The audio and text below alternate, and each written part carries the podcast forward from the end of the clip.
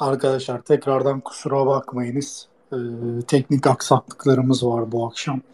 Ee, yani bu tabii ki hani doğrudan bizlik de bir şey değil. Twitter Space'te böyle şeyler oluyor biliyorsunuz. Ee, geçtiğimiz birkaç haftada olmamıştı ama bugün e, kampanya bize vurdu gibi gözüküyor. Neyse. Ee, Levent abi sizde kalmıştık. Buradasınız değil mi? Buradayım buradayım evet. Ee, abi en son şu ifadeyi kullandınız. Yani e, şu anda daha bana göre alım yapılacak seviyelerde değiliz demiştiniz. O minvalde kalmıştık. Oradan devam edebilirsiniz dilerseniz. Tabii. E, buradaki durum tamamen şununla alakalı. Yani e, güvenli alım bölgesi dediğimiz bir yani hepimiz bir trading yöntemi olduğu için söylüyorum da benim için şu anda değil. Daha çok kısa vadeciler için şu anda piyasa daha hareketli görünüyor açık konuşmak gerekirse. Hani döndük evet daha yukarıları daha üst fiyatları görmemiz gerekiyor kısmı için bence erken ama bu demek değil ki e, bu kısa vadeli başlayan hareketin genele yayılmayacağı anlamı taşımıyor. Gayet bence güzel giden de bir yapı var. E, hatta şöyle bir şey söyleyeyim ben daha basite indirgeyelim. Hani ne bileyim not alan arkadaşlar da genelde oluyor diye biliyorum. E, o, yani Bitcoin'de kısa zamansallarda nedir bu? Yani saatlik 4 saatlik 6 saate kadar işlem yapanlar için ilgilendiren belirli rakamlar var. Yani nedir bunlar? e, 38.294 altına inmediğimiz sürece. Yani bizim şu anda en yakın desteğimiz teknik olarak 38.294 fiyatı net olarak e, bunu göstermek yani gösterilmiş durumda ve bu çok hissettiriyor açık konuşmak gerekirse. Peki bunun üzerine ne yapabiliriz dersek de 38.991'e kadar bir e, yükseliş gelir mi? Cevap evet gelebilir kesinlikle ama 38.991'de biraz yorulabilir.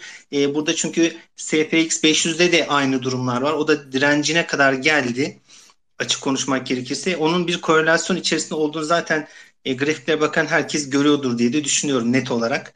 E, bir 10 gündür böyle bir durumumuz da var açık konuşmak gerekirse. Yani yakın vadeli olarak söylüyorum. Ama Bitcoin'de bir 38.991 dokunduğunda e, orası zorlanabilecek bir yer diye düşünüyorum. Yakın vade için söylüyorum bunu.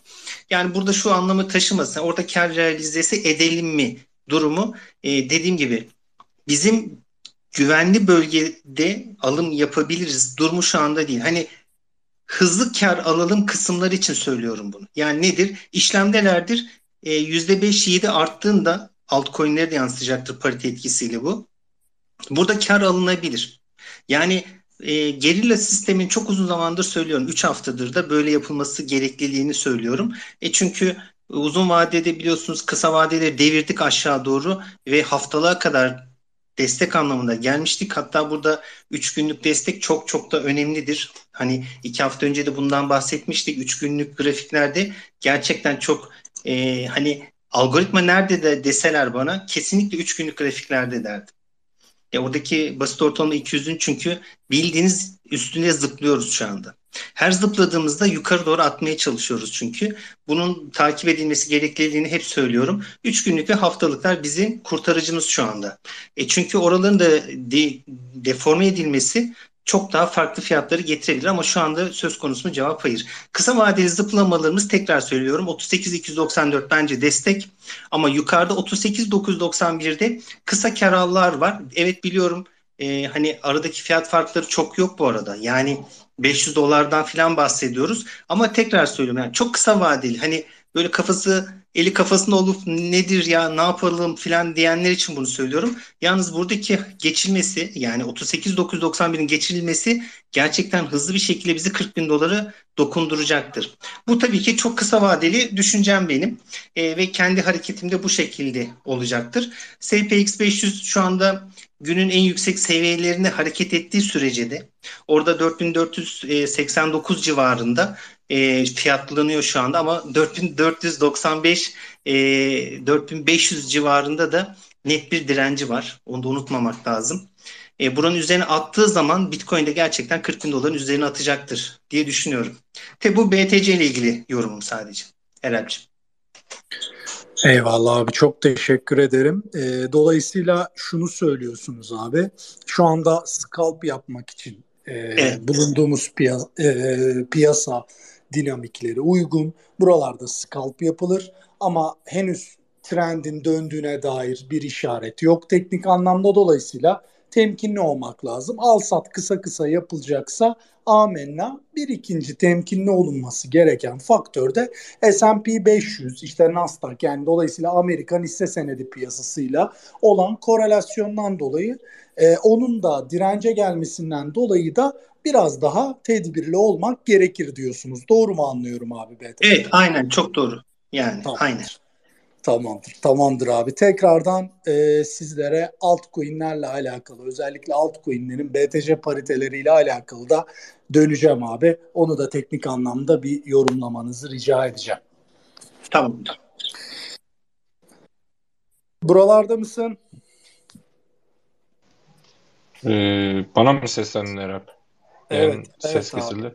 Buradayım kardeşim buradayım. Evet, abi. Ee, abi e, sana iki tane şey soracağım. E, ama ikisi de birbiriyle ilişkili şeyler. Birincisi botlarımızın aktivasyonu ne alemde? İkincisi sen çok uzun zamandır yapmadığın bir şeyi yapmaya başladın bugün. E, ki dörtte dört de yaptın. E, önceden sen herkes Coin Exactly'yi tanıdığında zaten sürekli bu bot aktivasyonlarına, hacime ve tahtaya bakarak bir takım e, varlıklarla alakalı fiyat tahminlerinde bulunuyordun. Özellikle kısa vadeli. Bugün de öyle bir şey yaptın. Dört tane varlıktan bahsettin. Dört tane varlık da çok kısa bir sürede kar bıraktı. Ee, dediğim gibi bu ikisini sormak istiyorum. Bu karar değişikliğine seni iten neydi? Ve bundan sonraki süreçte böyle mi olacak? Ve genel olarak botlarımızla, hacimle alakalı bir sıkıntımız var mı? Eralp'im önce botlardan başlayalım. E, botlarımız şu an %75 altında olduğu için e, sinyaller platformumuzda gözükmüyor. CryptoSource tarafında gözükmüyor. E, bunu daha önceden de e, söylemiştik ama bilmeyen arkadaşlar için söyleyelim. E, %75 altını biz baz almıyoruz. Üstünü baz alıyoruz. E, o yüzden şu an görmeyenler işte botlar yok mu demesin. Botlar aktif e, ama veriler %75 altında. E, benzerlik tarafında Twitter'da bir süre paylaşmayacağımı söylemiştim. Sabah Discord kanalımızda attım. E, bugün için yükseliş beklediğimi söylemiştim zaten. E, Allah'a şükür bugün o da tuttu. E, bu coin verme olayına da gelince e, biliyorsunuz geçen yayınlarda da söyledim yani benim canım sıkan bir e, bir yıl kadar önce bir olay olmuştu. E, Ref coin ile alakalı bir sıkıntı yaşamıştık. E, o zamandan beri ben coin vermiyorum. Benim tarzım bilen arkadaşlar bilir. E, biz hep kısa vadeli olarak e, hedef verdik. Günlük al sat çık %15-20 kar al çık durumundaydık biz önceleri. Ya bizim için ayıymış bu aymış işte bu fark etmiyor açıkçası. E, biz analiz sistemi çok çok farklı olduğu için e, sistemimiz bu şekil işliyordu. E, bugün artık dedim ki yani Murat bir dönüş olması lazım. Yani e, çünkü piyasa ciddi anlamda düştü. E, herkesin morali bozuk. En azından bir şeyler yakalayabilirsek insanlara moral oluruz. E, aslında yarın verecektim. Analizleri bugün yapıp yarın verecektim. Dayanamadım. Biraz gaza geldim. Özlemişim. E, dört tane coin paylaştık. Allah'a şükürler olsun. E, bugün hepsi iyi kar verdi. E, bundan sonra böyle devam edecek. Yani sık sık olmasa da e, fırsat buldukça paylaşımlar yapmayı düşünüyorum açıkçası.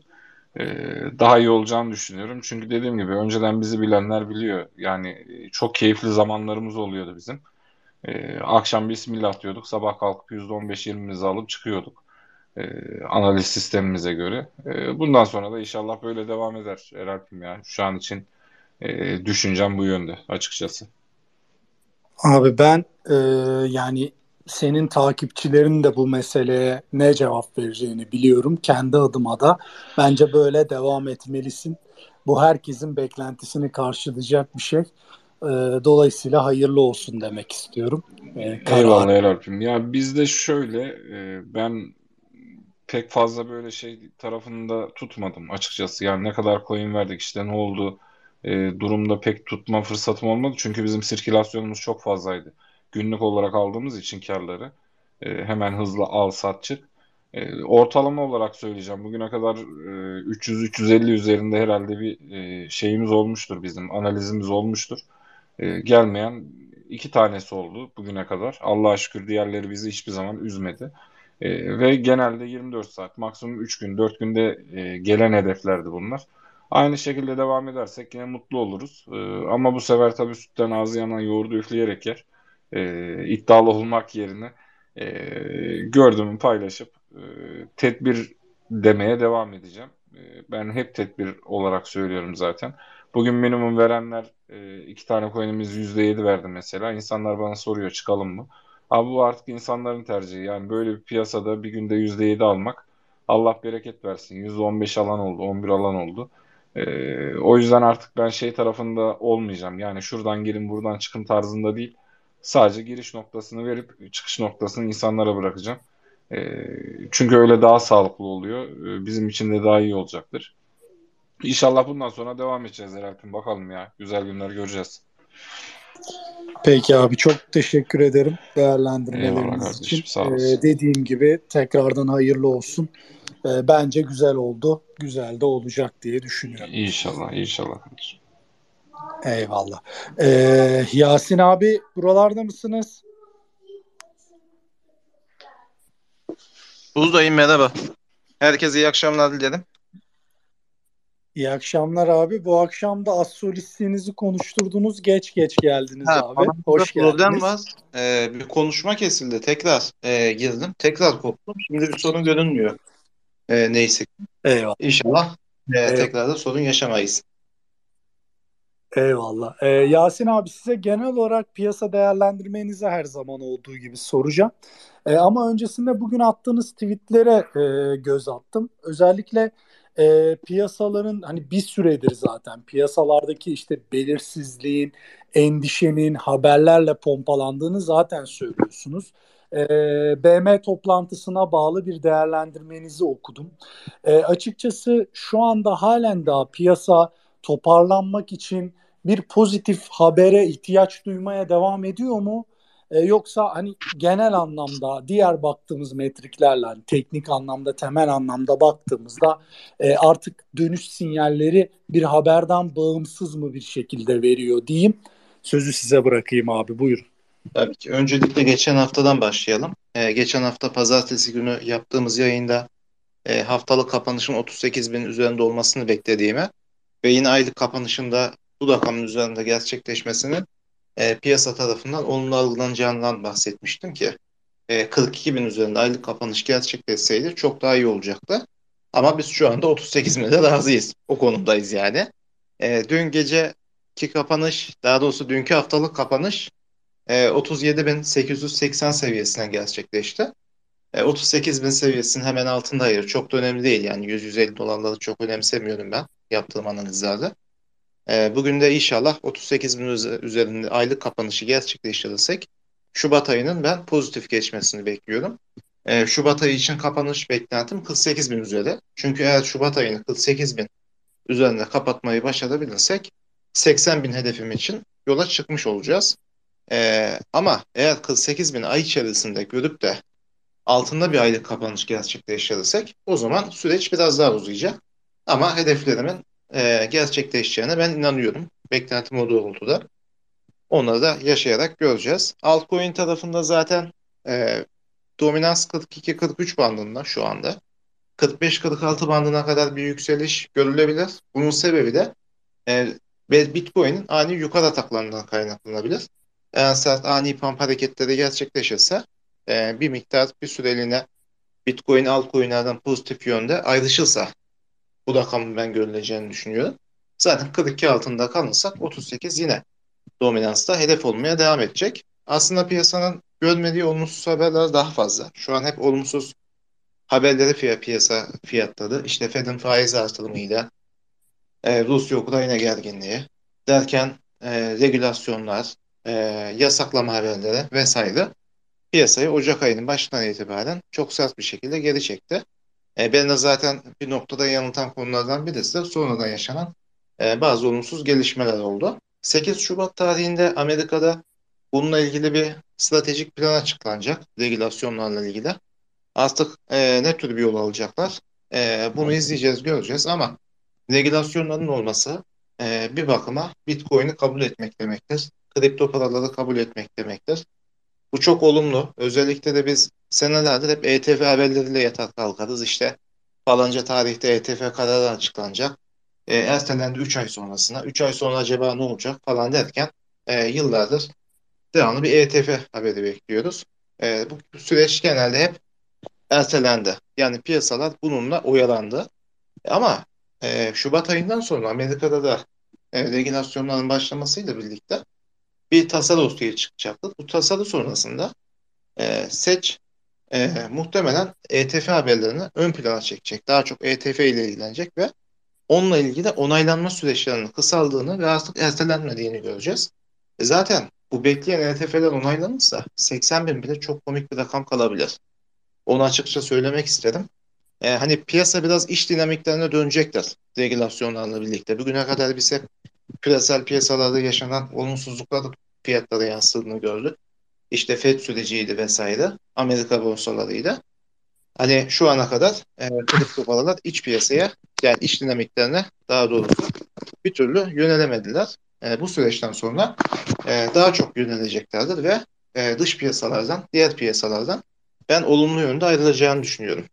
E, kripto para piyasasına inanan birisi olarak bu piyasanın e, önümüzdeki süreçte çok daha fazla gelişeceğine inanan birisi olarak kısa vadeli teknik görüntüleri çok önemsemiyorum. Çünkü e, yatırım yapmış olduğum portföyümdeki coinler genelde e, üzerine çalıştım. E, projelerine inandığım, güvendiğim, kurumsal anlaşmalar yapmaya müsait coinlerle.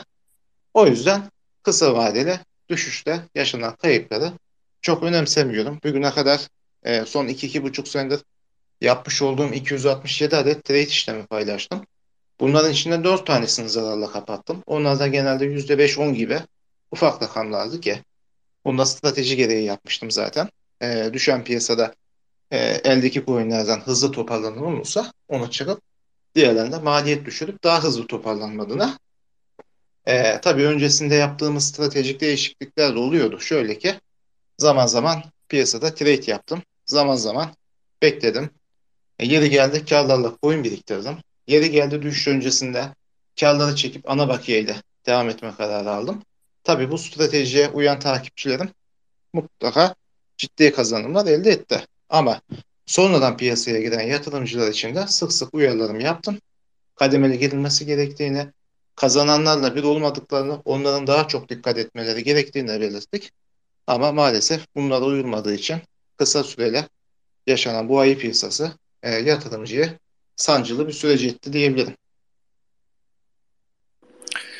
Doğru söylüyorsunuz abi. Hemen burada son bir soru sormak istiyorum abi.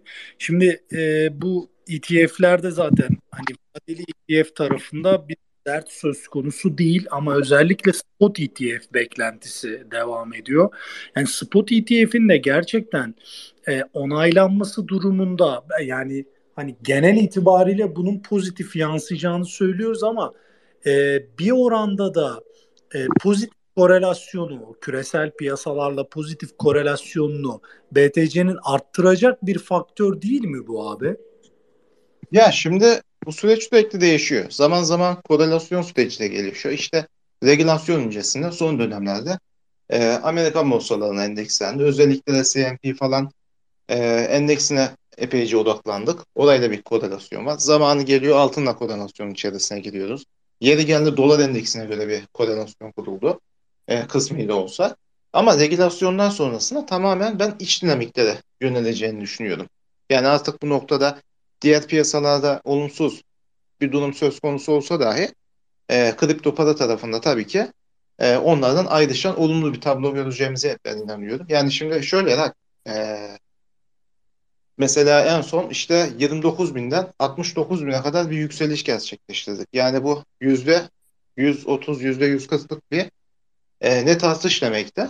Hani hangi piyasada böyle bir artış oldu ya da hangi piyasada e, bu artıştan yani yüzdesel olarak yakın bir noktaya geldi. Yani Amerikan borsası belki %20-25 yükseldi ama buna karşın bu süreçte Bitcoin %130-140 yükseldi. Yani yarın bir gün o piyasalar durgun olduğu zaman ya da e, bir düşüş trendinde olduğu zaman onlar da yine çok pozitif bir şekilde ayrılacağı dönemlerde gelecektir. Şu an ki bulunduğumuz e, konuma bakıldığı zaman insanlara bu pek e, şey gelmiyor, mantıklı gelmiyor. hayal gibi geliyor ama biz bunları zaten yaşadık. Ve yaşamaya da devam edeceğiz. Umarım öyle olur Yasin abi. Teşekkür ediyorum abi açıklamalar için. Ee, Burak burada mısın abi? Buradayım evet. Zamanla ilgili bir derdimiz var mı? Ya benim evet bir e, 5-6 dakika sonra çıkmam lazım. Hadi E, ya. der, dersim var. O yüzden benim zaten hani çok kısa bir şey söyleyecektim. Onu söyleyeyim. Ben şimdi burada host olduğum için telefon açık kalacak. E, ben çıksam da yani e, telefon açık açık bırakacağım doğal olarak. Bugün kar olduğu için okul e, okul kapalı, üniversite. O yüzden online olarak ders veriyorum. O yüzden e, evdeyim bugün. E, Eralp şey yani bugün zaten e, birkaç gün benim hep bahsettiğim, üzerinde durduğum bir şey var bu. Fed'in bu 2022 yılında e, kaç tane faiz artırımı yapacağına dair piyasanın beklentisi değişti son dönemde diye. Bununla ilgili de açıkçası her gün her gün bir haber çıkıyor. Ee, şey hani haftalık baktığımızda haftalık bu piyasanın beklentisine baktığımızda ben burada özellikle üstüne basıyorum piyasanın beklentisi diye. Çünkü Fed piyasaya sürpriz yapmıyor. Yani senin benim ne düşünümün çok bir önemi yok. Piyasa ne bekliyorsa ona sürpriz yapmamak için e, sürpriz yapmıyor yani. E, piyasanın da beklentisine baktığımızda e, yani 31 şeyde e, Aralık'ta diyelim yani geçen senenin sonunda bu seneye dair bir ya da iki bir faiz artışı bir, bir, bir, bir buçuk faiz artışı bekleniyorken şu anda e, bu sayı 5'e çıktı. E, geçen haftaki FED toplantısından sonra. Bu arada tutanakları soran arkadaşlar oluyor. Tutanaklar çünkü yayınlandığında e, FED toplantısındaki daha ayrıntılı bilgileri erişiyoruz. Tutanaklar arkadaşlar toplantılardan 3 hafta sonra yayınlanıyor. E, şu an tarihe bakmadım ama bir hafta geçti sanırım. Yani 3 hafta sonra yayınlanacak. Yayınlandığında da zaten hani hem yayınlarda bahsederiz hem hem şey yaparız. Şimdi bu 5 tane faiz artışı e, tabii ki de çok olumsuz bir şey. Ama e, ha bu arada yani piyasa derken ben neden bahsediyorum? Hem burada anketler var. Hem mesela Bank of America ve Goldman Sachs bunu, bunu geçen hafta söylemişlerdi. E, kendi analistlerin 5 faiz artışı beklediklerini. E, bugün JP Morgan da katıldı buna. E, onlar da işte 5 faiz artışı beklediklerini söylediler. Hani ge- genel total olarak piyasanın beklentisi yani bu şirketlerin beklentisi de söylediğim gibi şu an 5'e çıktı. E, bu yüksek çok yüksek. Bunun üstüne bir de Atlanta Fed Başkanı e, geçen iki gün önce bir açıklama yaptı. Mart ayındaki faiz artışının işte e, 50 bas puan yani 0.50 oranında olabilir eğer gerekli görürsek dedi. Şimdi bunların konuşmaya böyle başlanması açıkçası şey e, Fed'in bu sıkılaştırmayı birazcık daha ciddiye alacağıyla alakalı ve hani e, enflasyonun önünü almak için daha agresif davranacağına dair mesajlar veriyor. Piyasa için bunlar iyi haber değil tabii ki de doğal olarak. Ama piyasanın bunu fiyatladığını düşünürsek eğer sonuçta bu fiy bu piyasa beklentisi 5 faiz. Ama bu son son bir haftada değişen bir şey. Yani şöyle söyleyeyim çok kısa. Yani biz piyasanın 4 faiz artışını inandık. Bunu fiyatladığını düşündüysek şu an piyasa artı bir faiz artışı daha düşünüyor. Şimdi bunu da fiyatlamasını düşüneceğiz. Ya da onun ne zaman olacağı soru işareti var aklımızda. Ee, o şekilde özetleyeyim bunu. Ee, bunun haricinde işte 8 Şubat'taki e, toplantı önemli e, şeyde.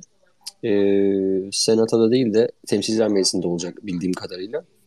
Bu toplantıda işte regülasyonlarla alakalı biraz detayı öğreneceğiz. Ee, bir arkadaş bugün bir yorum yazmış. Ee, bunu da birazcık hani şey hani olumlu bir, bir feedback olarak paylaşayım. Benim hep olumsuz haberler paylaştığımla ilgili. Hani çok böyle bir içten bir yorum yazmış. Kötümser misin acaba diye. Aslında beni beni tanıyanlar çok iyi bilir. Ben aşırı pozitif bir insanım. Bir de gereksinden çok fazla pozitifimdir kişisel hayatı yani normal hayatımda. Burada herhalde paylaşımlarda bir şeylerde acaba ben mi hep böyle olumsuz şeylere bakıyorum diye kendime de sormuyor değilim. Bundan sonra şey yapacağım hani e, kendime kendime söz veriyorum. Daha dikkatli olacağım bu konuda. Ama sonuçta şey yani e, olumluları da aradan çekip de paylaşmak yaptığımız işe ters bir şey sonuçta. Ama bunu da olumlu bir, bir eleştiri olarak alıp bundan sonra yani e, birazcık daha piyasanın geneline bakıp sadece olumluları oradan çekmemeye çalışacağım. Gel, belki de onu yapıyordum yani. Böyle bir öz eleştiri de yapayım. E, bunun haricinde Burak, benim de bu... burnum tıkalı. Ben de hastayım biraz işte. Evet. Sesinden bellidir zaten. Hepimizi hepimizi elden e, geçirdi herhalde bu mikroplar abi. Şey e, söylemek istiyorum burada. Burak, bu, e, bence bu biraz e, senin aktif olduğun dönemin dinamikleriyle alakalı bir şey bu. Yani e, sen hani e, haber analizi yapan bir insansın. Haberler üzerinden değerlendirmeler yapıyorsun ama özellikle hani bizi seni tanıyan insanların önemli bir çoğunluğu şu son 5-6 ayda tanıdı. E bu 5-6 ayda da hep kötü haberlerin olduğu bir dönemle geçti ağırlıkla. Dolayısıyla bence biraz onunla alakalı bir şey. Yani doğrudan hani senin değerlendirmenle dolayısıyla hani e, öz eleştirinin yerinde olup olmamasıyla ilgili bir durum değil bence bu. Olabilir öyle yani. denk geldi. Evet, Aynen. evet öyle denk geldi. E, o yüzden de e, öyle yani hani hep olumsuz haberler olduğu için sen de onları aktardın.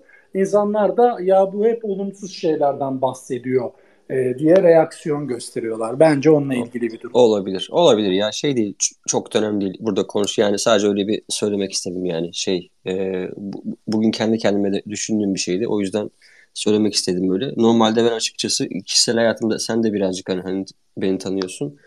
Ben evet. gerek, gerektiğinden biraz fazla pozitif bir insanım. O yüzden şey paylaşımlara paylaşımlarım şeyi yansıtmıyor yani. Ama yayınları bizi takip edenler görüntülü sesli daha bunun hani böyle olmadığını zaten anlayacaklardır.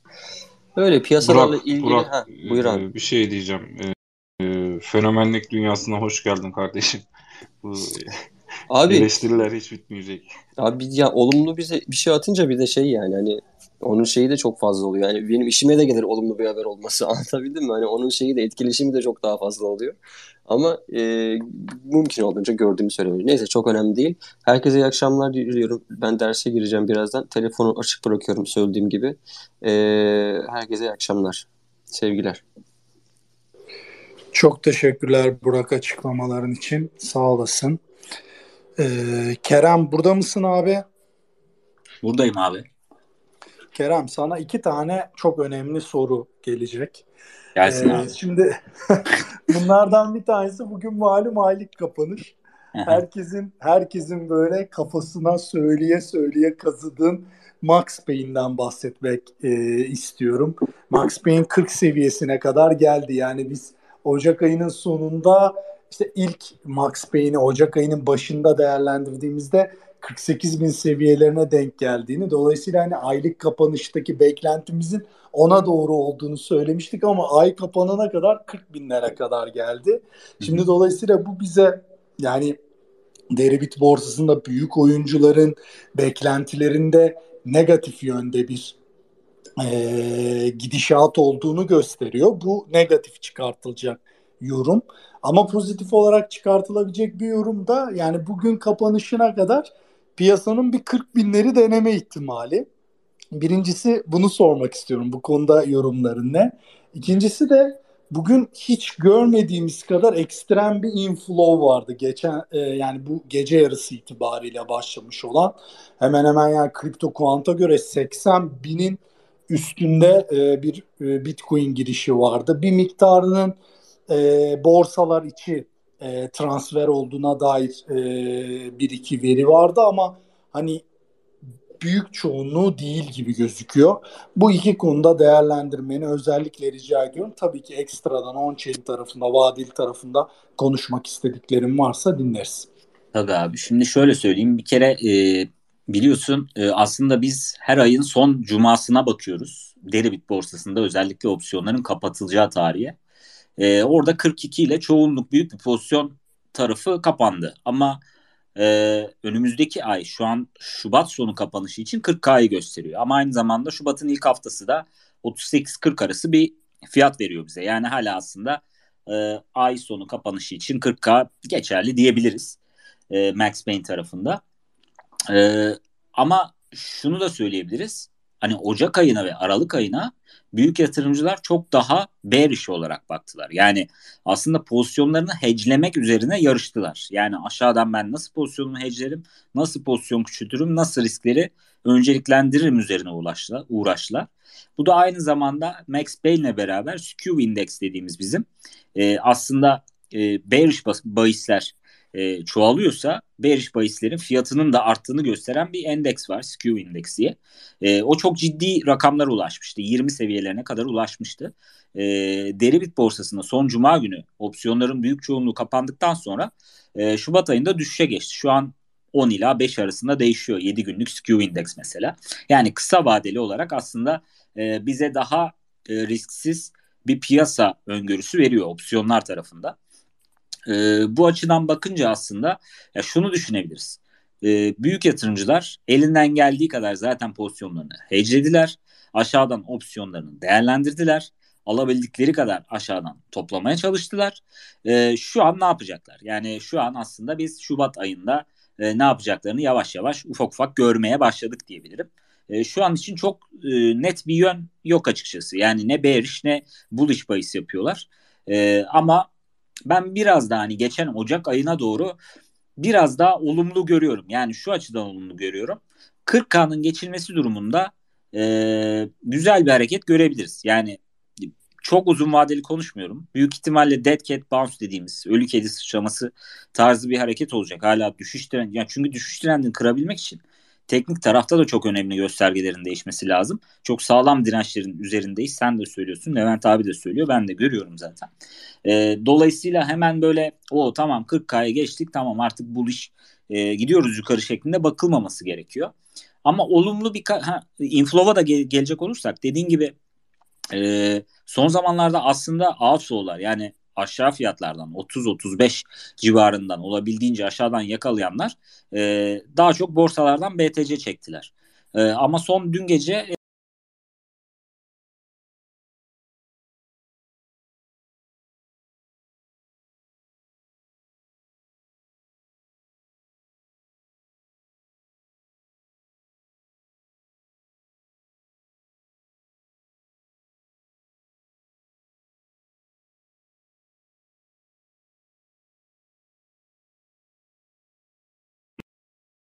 Yani cüzdanlar mesela e, bir yüz e, Bitcoin bulunduran cüzdanlar, 110 bin coin bulunduran cüzdanlar ya da 0.1 Bitcoin bulunduran cüzdanlar.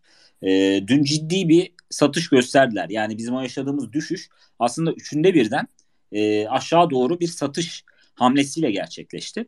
Dolayısıyla bu inflow'un arkasından oldu olmadı şeklinde çok bir spekülasyon yapmaya gerek yok. Tabii her inflow'u da biz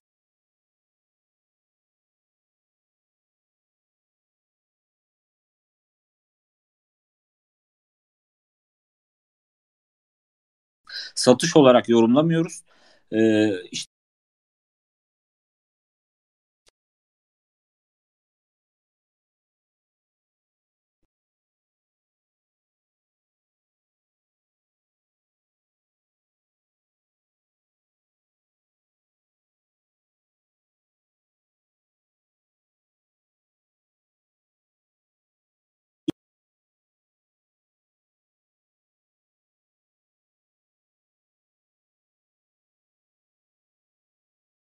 fikirlerim benim için de kendi yatırımlarım için de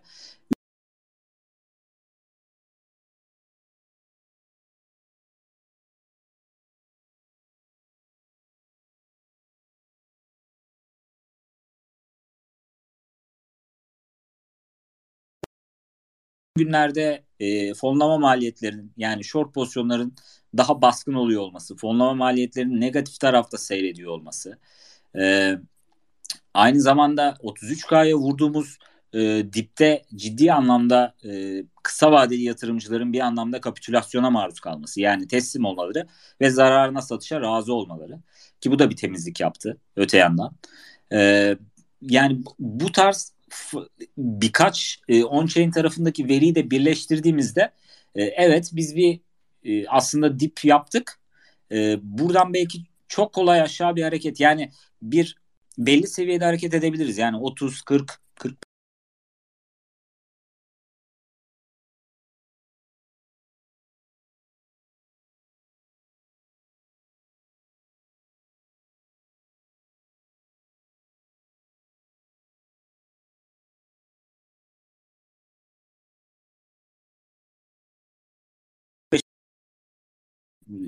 baktığımız Twitter'da konuşmalarda vesaire falan filan yok. Hala çok ciddi içeride bekleyen yatırımcı var. E, hala çok ciddi yükseliş bekleyen yatırımcı var.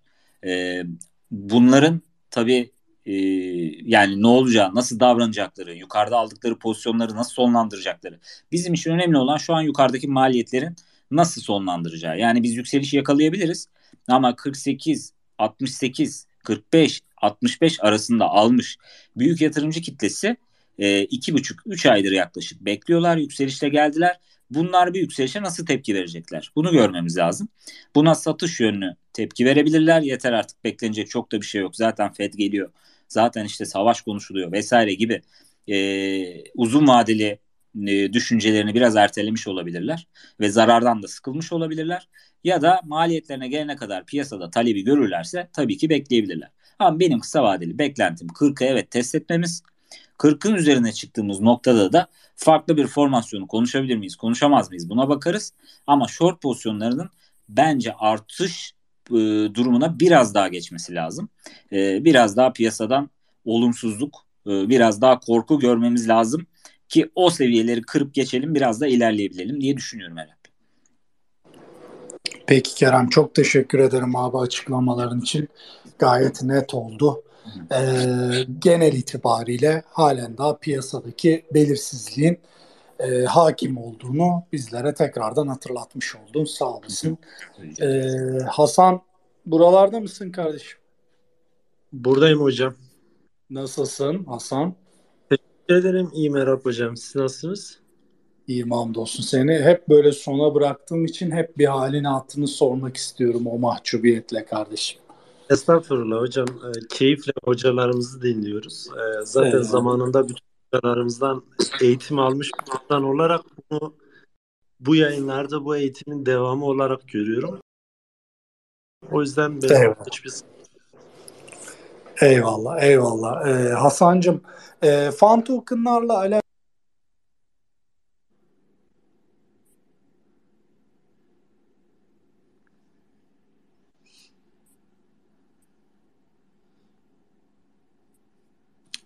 Pardon. Ya ben gitti evet, galiba. Evet, ben ilginç bir şekilde Aynen. ilk defa ben yayından koptu şu an. Ee, Hasan duyuyor musun?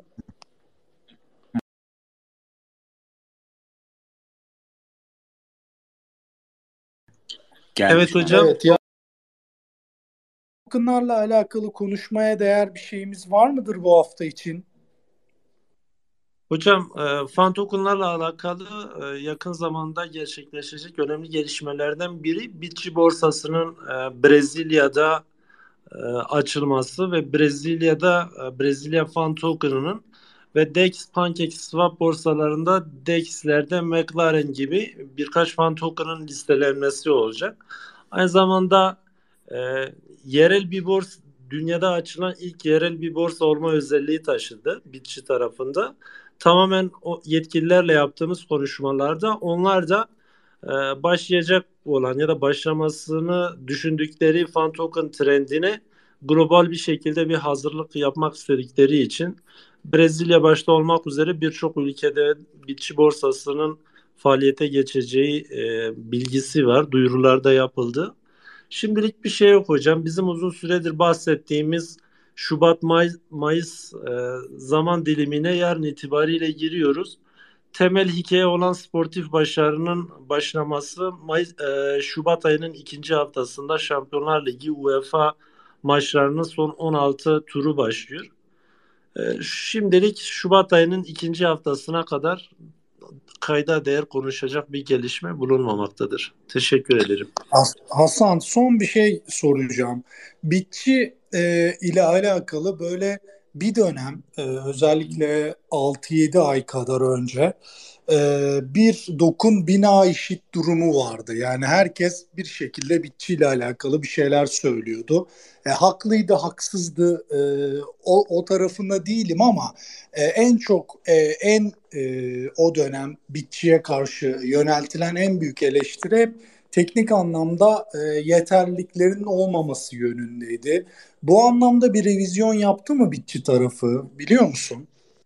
Hocam yetkililerle bu son zamanda e, tamamen bize ulaşan birkaç yetkili dediğimizde borsaya yakın kişilerin geçmişte yapılan birçok hatadan ders çıkardıklarını, birçok teknik konudaki sorunlarını azalttıklarını bahsettiler. Açıkçası son zamanda benim de dikkatimi çeken bu konuda örneğin yaptıkları ön satışlarda e, zararında pozisyon olanların ön satış fiyatından tokenlarını iade süreci başlattı. Yani hiçbir şekilde ön satışa girip de zarar e, etme e, durumunu ortadan kaldırdılar. Teknik anlamda da e, likidite, borsa tahtalarındaki likidite sorunları kısmen çözüldü. E, şimdilik e, geçmişten ders çıkardıklarını görüyoruz. Yani bunun e, bu hafta aslında en önemli olay yerel bir borsanın dünyada Brezilya başta olmak üzere birçok ülkede e, kullanılabilir olması. Yani şimdilik iyi gittiklerini düşünüyoruz. Tabii ki erken konuşmak ne kadar doğru olur bilmiyorum ama uzun süre takip etmekte fayda var. Teşekkür ederiz Hasan bilgilendirmeler için. Sağ olasın. E, Levent abi burada mısınız? Evet.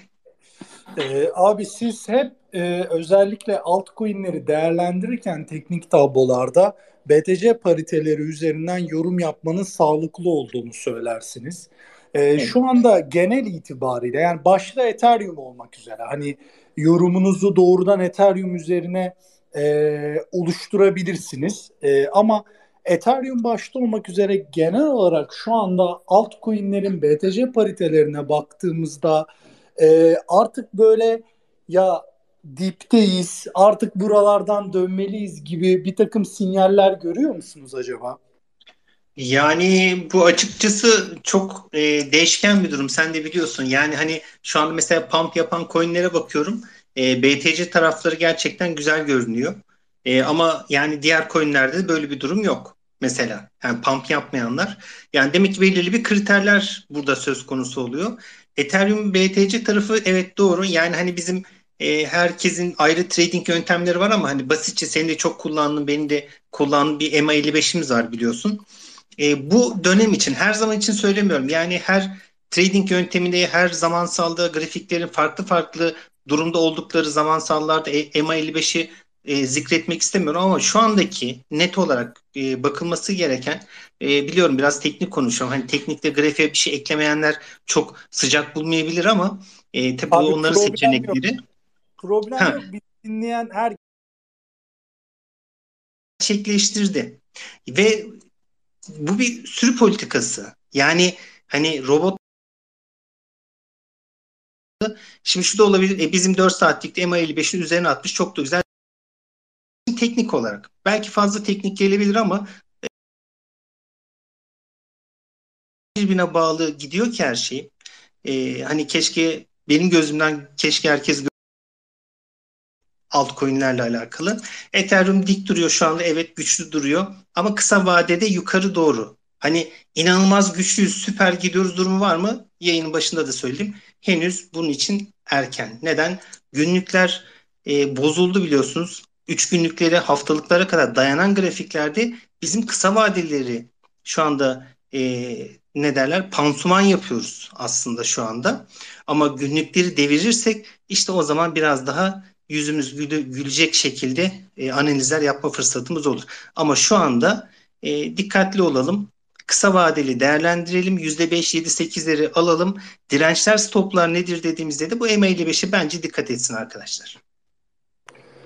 Peki abi çok teşekkür ederiz. Ee, güzel bir e, kısa vadeli trend değerlendirmesi de olmuş oldu.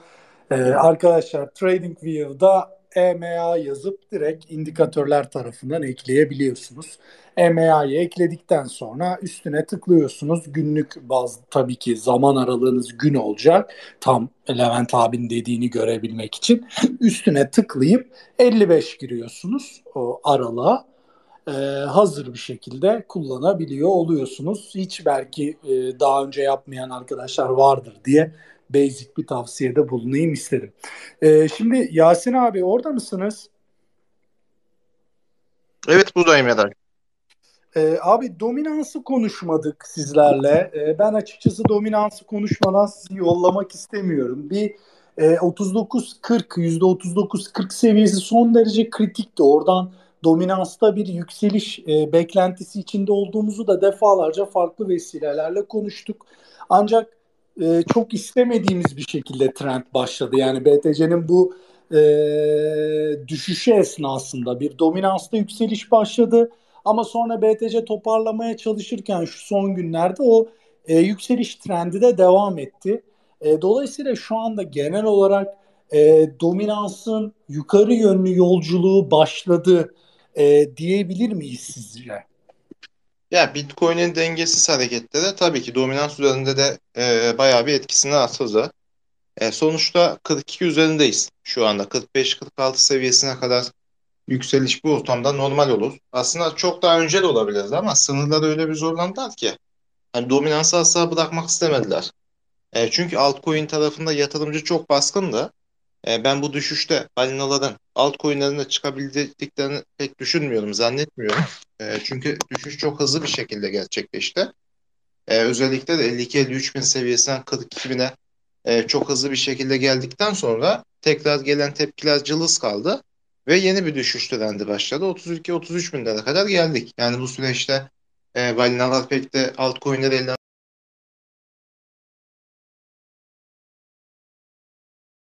çıkaramadılar. Zaten çok hacimsiz e,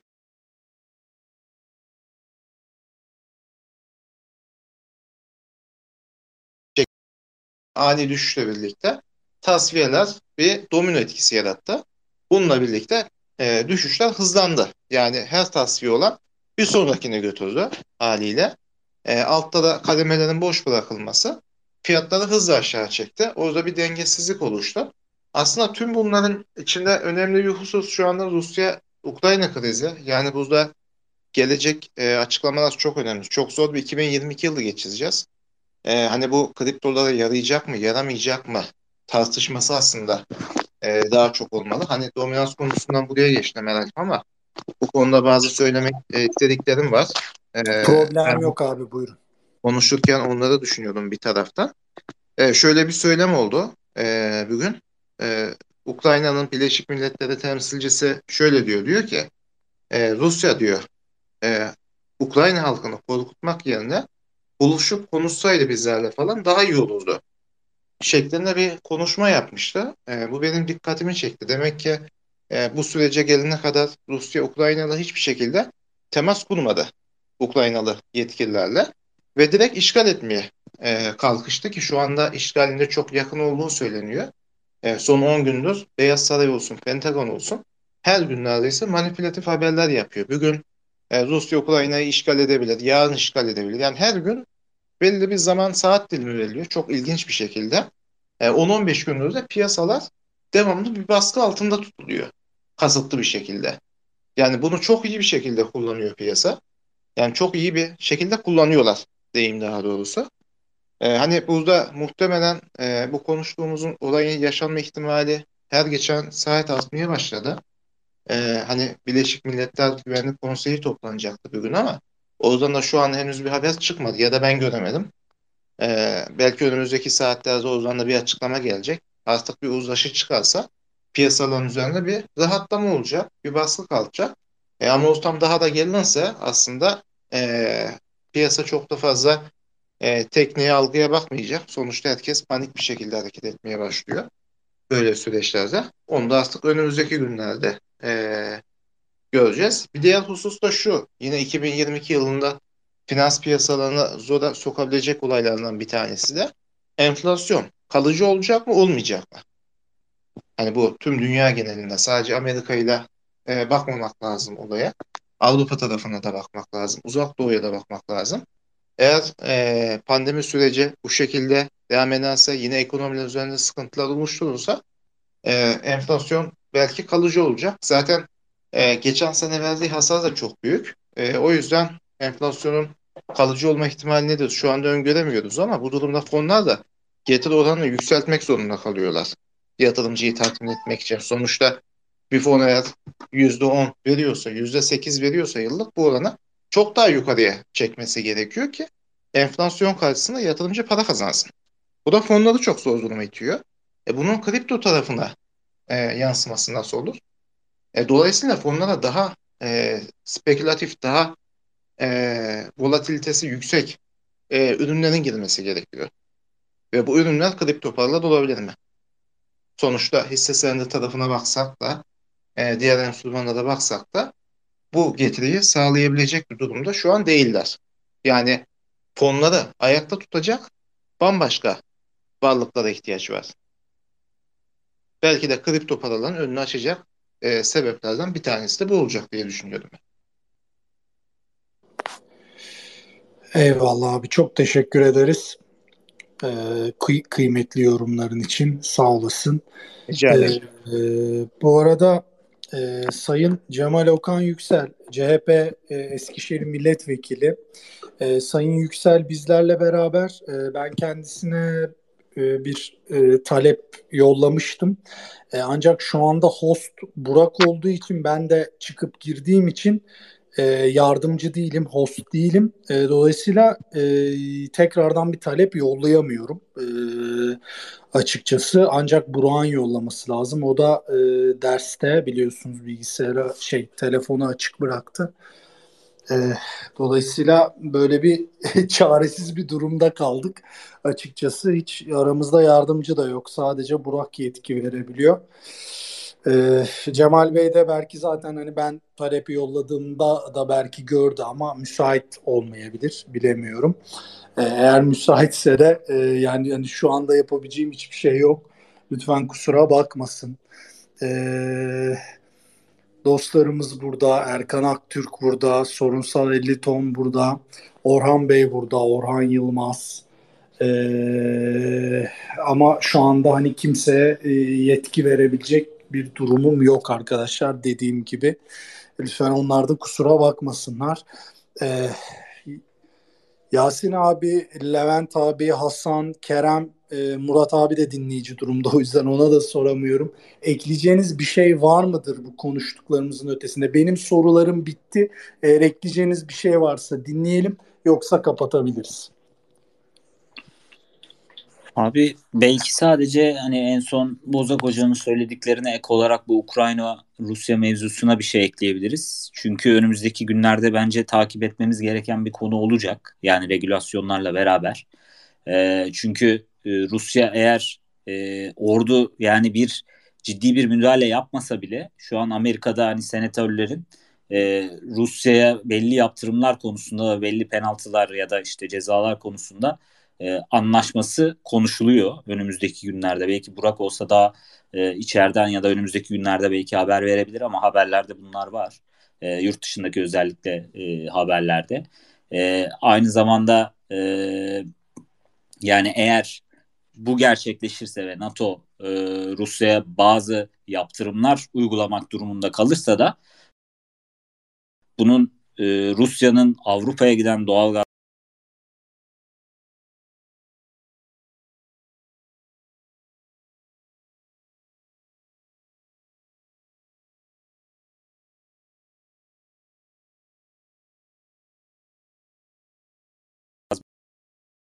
Fed'in de daha sert e,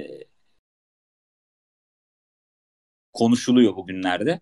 O yüzden bunun ya bu, bu haberin aslında Rusya Ukrayna'nın da bir anlamda Fed'le ve dolaylı olarak bizim piyasalarla da bir alakası olacak.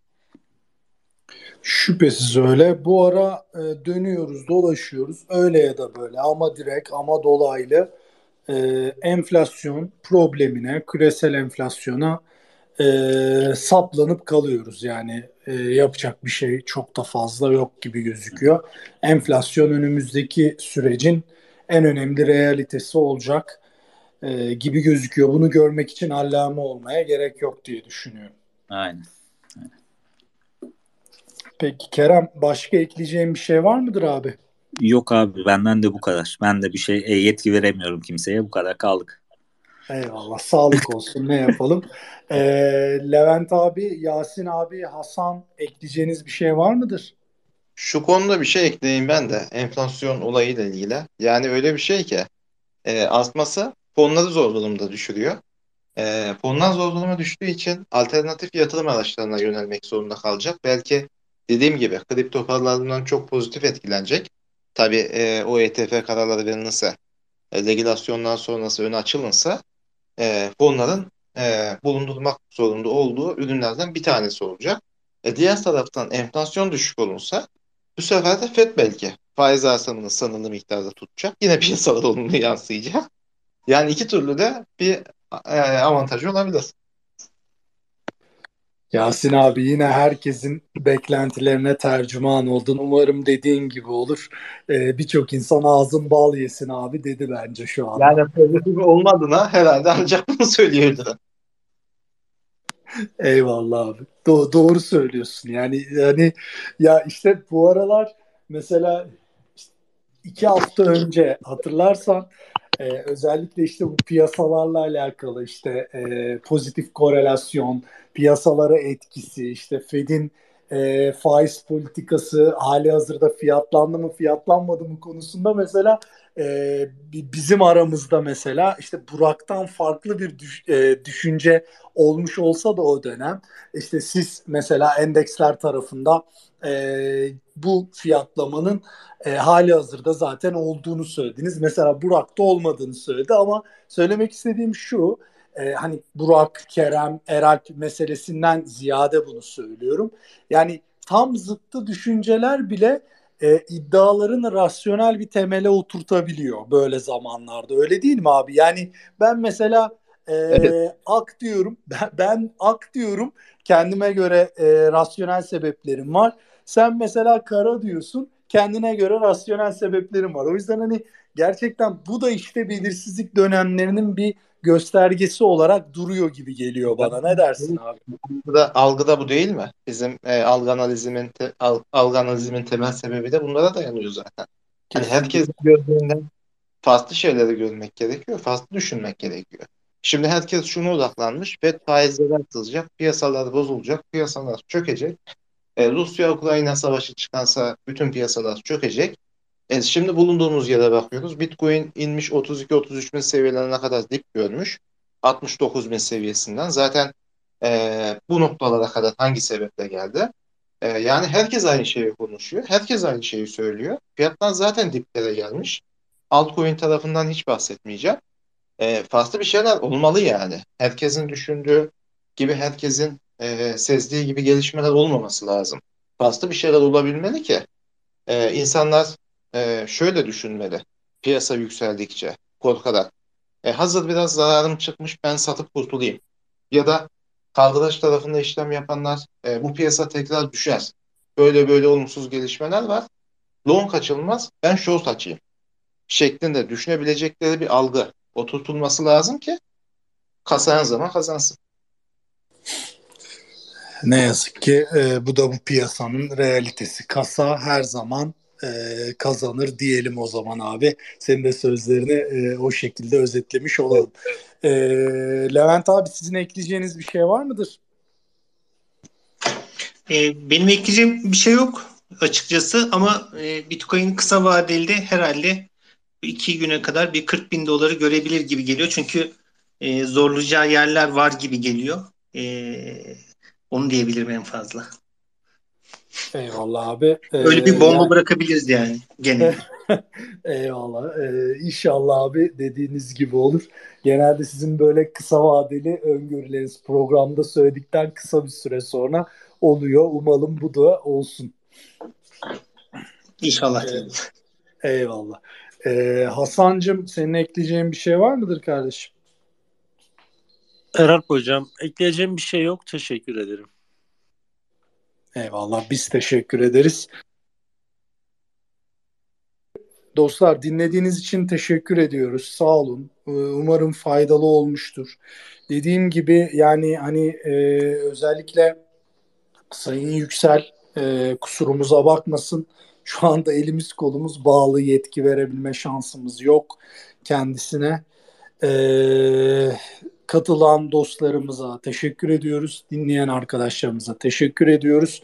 Ee, hayırlı bir akşam diliyoruz. Hayırlı bir hafta diliyoruz arkadaşlar. Şimdilik görüşmek üzere.